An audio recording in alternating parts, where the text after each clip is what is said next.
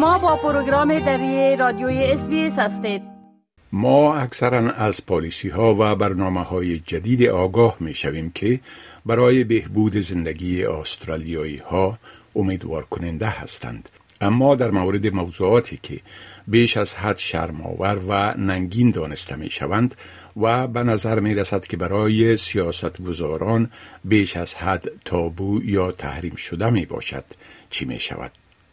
شرم و ننگ قمار و قرضداری چگونه می تواند مردم بسیار عاقل را به فکر کردن درباره آسیب های جدی و غیر قابل جبران سوق بدهد و برای ایجاد تغییرات مؤثر باید چی کار انجام شود The thoughts were, were constant. What use am I? I've lost everything. I might as well be dead. The only way out of this is to be dead. Absolutely. The stress on my family, on my mental health, on everything, it affected everything. And my life was bad enough, but it made everything worse. I wake up in the middle of the night now and, and it's it's almost like you want to wake up and, and the dream stops, like the nightmare stops. این آوازهای پال، انا و جان بود. هر یک به دلیل اعتیاد به قمار متحمل ضررهای مالی و جانی جدی شدند. به که به فکر گرفتن جان خود افتادند. اما همه آنها هنوز زندند و می‌خواهند صدایشان شنیده شود. وقتی پال فانگ طفل بود والدینش را می‌دید که در محله چینایی ها مشغول قماربازی به نام ماهجونگ می باشد در آنجا کازینوهای زیرزمینی وجود داشت که بسیار شبیه کازینوهای زادگاه او هنگ کانگ بود. او در کودکی شفته طبیعت سریع بازی ها بر روی میزهای کازینو و شرط بندی ها بر مسابقات بود و پدرش به او کمک کرد تا چالهای این کار را بیاموزد. Culturally, it was just embedded and indented in our minds. It was such a normality. So I started probably gambling realistically at the age of about seven or eight, um, playing for five and cent, ten cent pieces with cousins and family friends and things like that. And that sort of, you know, ballooned when I got into my teenage years. So I had a fake ID by the time I was 16, even though I looked 12. I got into the casino. So it was more of a weekend thing in my teenage years. And then I think when I became the legal age, it was almost a five day a week experience. And then that just slowly deteriorated into it was a daily exercise. جان بزرگتر بود که به اعتیاد جدی قماربازی گرفتار شد. چیزی که طور قماربازی اجتماعی با همکارانش شروع شد. او اضافه بست یا ردندنت شده و پولی که از این ناحیه حاصلش شده بود به این معنا بود که نسبت به گذشته پول بیشتری برای مصرف کردن در اختیار داشت.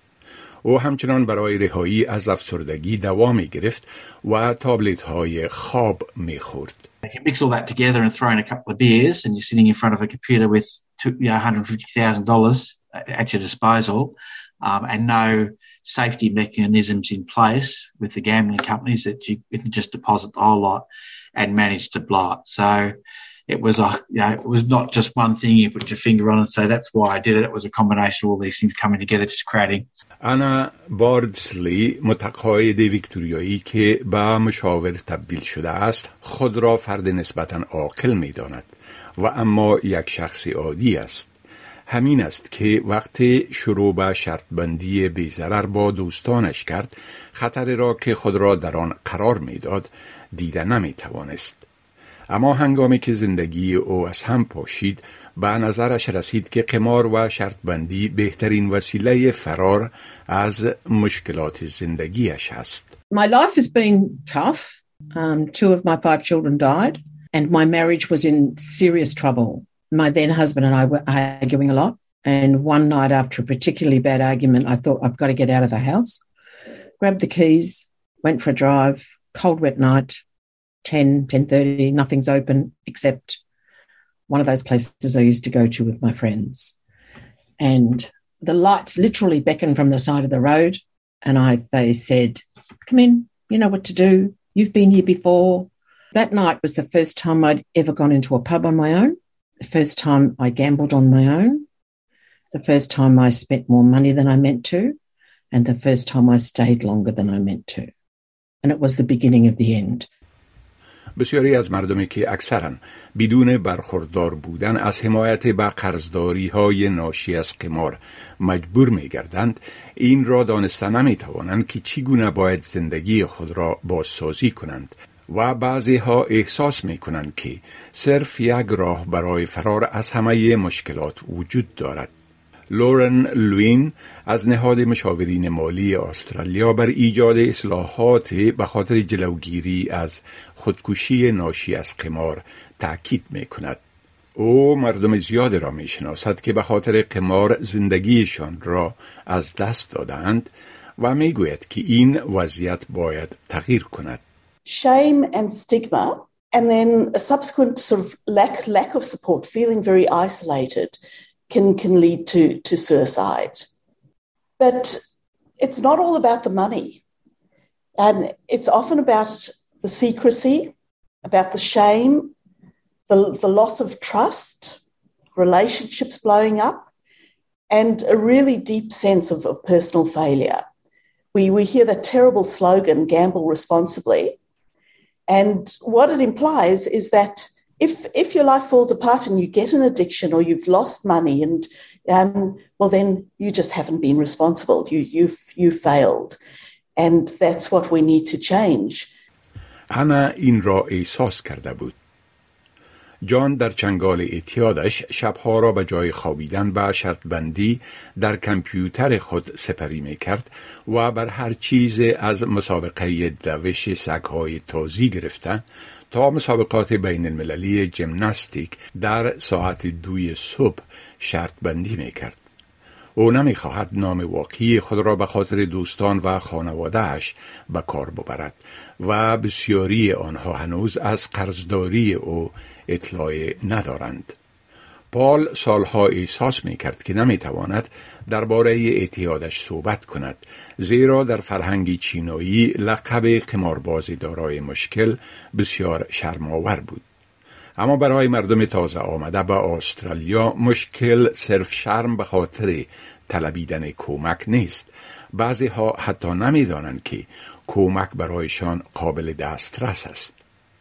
گریس هی یک مشاور قمار متخصص درمان مردم با پیشینه آسیایی است. او می‌گوید یکی از چالش برانگیزترین بخش های شغلش این است که مردم را وادارد و قانع بسازد تا کمک بطلبند. Asian people in our culture, we don't understand these Western styles of the counseling or, or, or government help. And then that's why like here in when we're facing the Chinese community where we offer the help, the people don't understand what why I should come and what the benefits, and then it's um, they hesitate a lot. طبعا کسانی که در اثر مشکلات ناشی از قماربازی دست به خودکشی می‌زنند نه تنها زندگیشان را از دست می‌دهند بلکه اعضای خانواده و دوستانشان را هم برای همیشه داغدار می کنند. یک میز گرد در سال 2021 که توسط انجمنهای Suicide Prevention Australia و Financial Counselling Australia برگزار شد مفکوره شمول قمار در جمع عوامل ایجاد پریشانی و ناراحتی در گزارش های مرگناشی از خودکشی را مطرح کرد. این اولین بار در استرالیا بود که نمایندگان نهادهای قماربازی، مشاورین مالی، مدافعان و افراد با تجربیات زنده قماربازی گرد هم آمدند تا درباره راه های کاهش خودکشی های مرتبط به قمار بحث کنند. ماتیو مکلین مدیر سیاست و روابط دولتی نهاد جلوگیری از خودکشی در استرالیا که در این میز گرد شرکت داشت می‌گوید که خودکشی یک میلان پیچیده انسانی است. این میز گرد دریافت که خودکشی مرتبط به قماربازی باید بیشتر درک گردد و احسایه بهتر درباره آن جمعآوری شود. گزارش این میز گرد سال 2021 همچنان می‌گوید که شرکت های درگیر در شغل قماربازی هم باید حسابده باشند. ضمنا گزارش این مجمع منع کامل اعلانات بازی را تقاضا می کند. اگر شما یا هر کسی را که می شناسید به کمک و حمایت نیاز دارید با نهاد مشورتی Lifeline با شماره 13 11 14 زنگ بزنید. همچنان می توانید با یک مشاور مالی در خط امدادی نشنل دیت با شماره 1800 007 007 یا از طریق وبسایت نهاد کمک با قماربازان با آدرس nth.org.au به صورت مستقیم و زنده صحبت کنید یا به شماره 800 858 858 زنگ بزنید. این گزارش با کمک بروک یانگ از SBS News تهیه شده بود. بپسندید، شریک سازید و نظر دهید. SBS دری را در فیسبوک تعقیب کنید.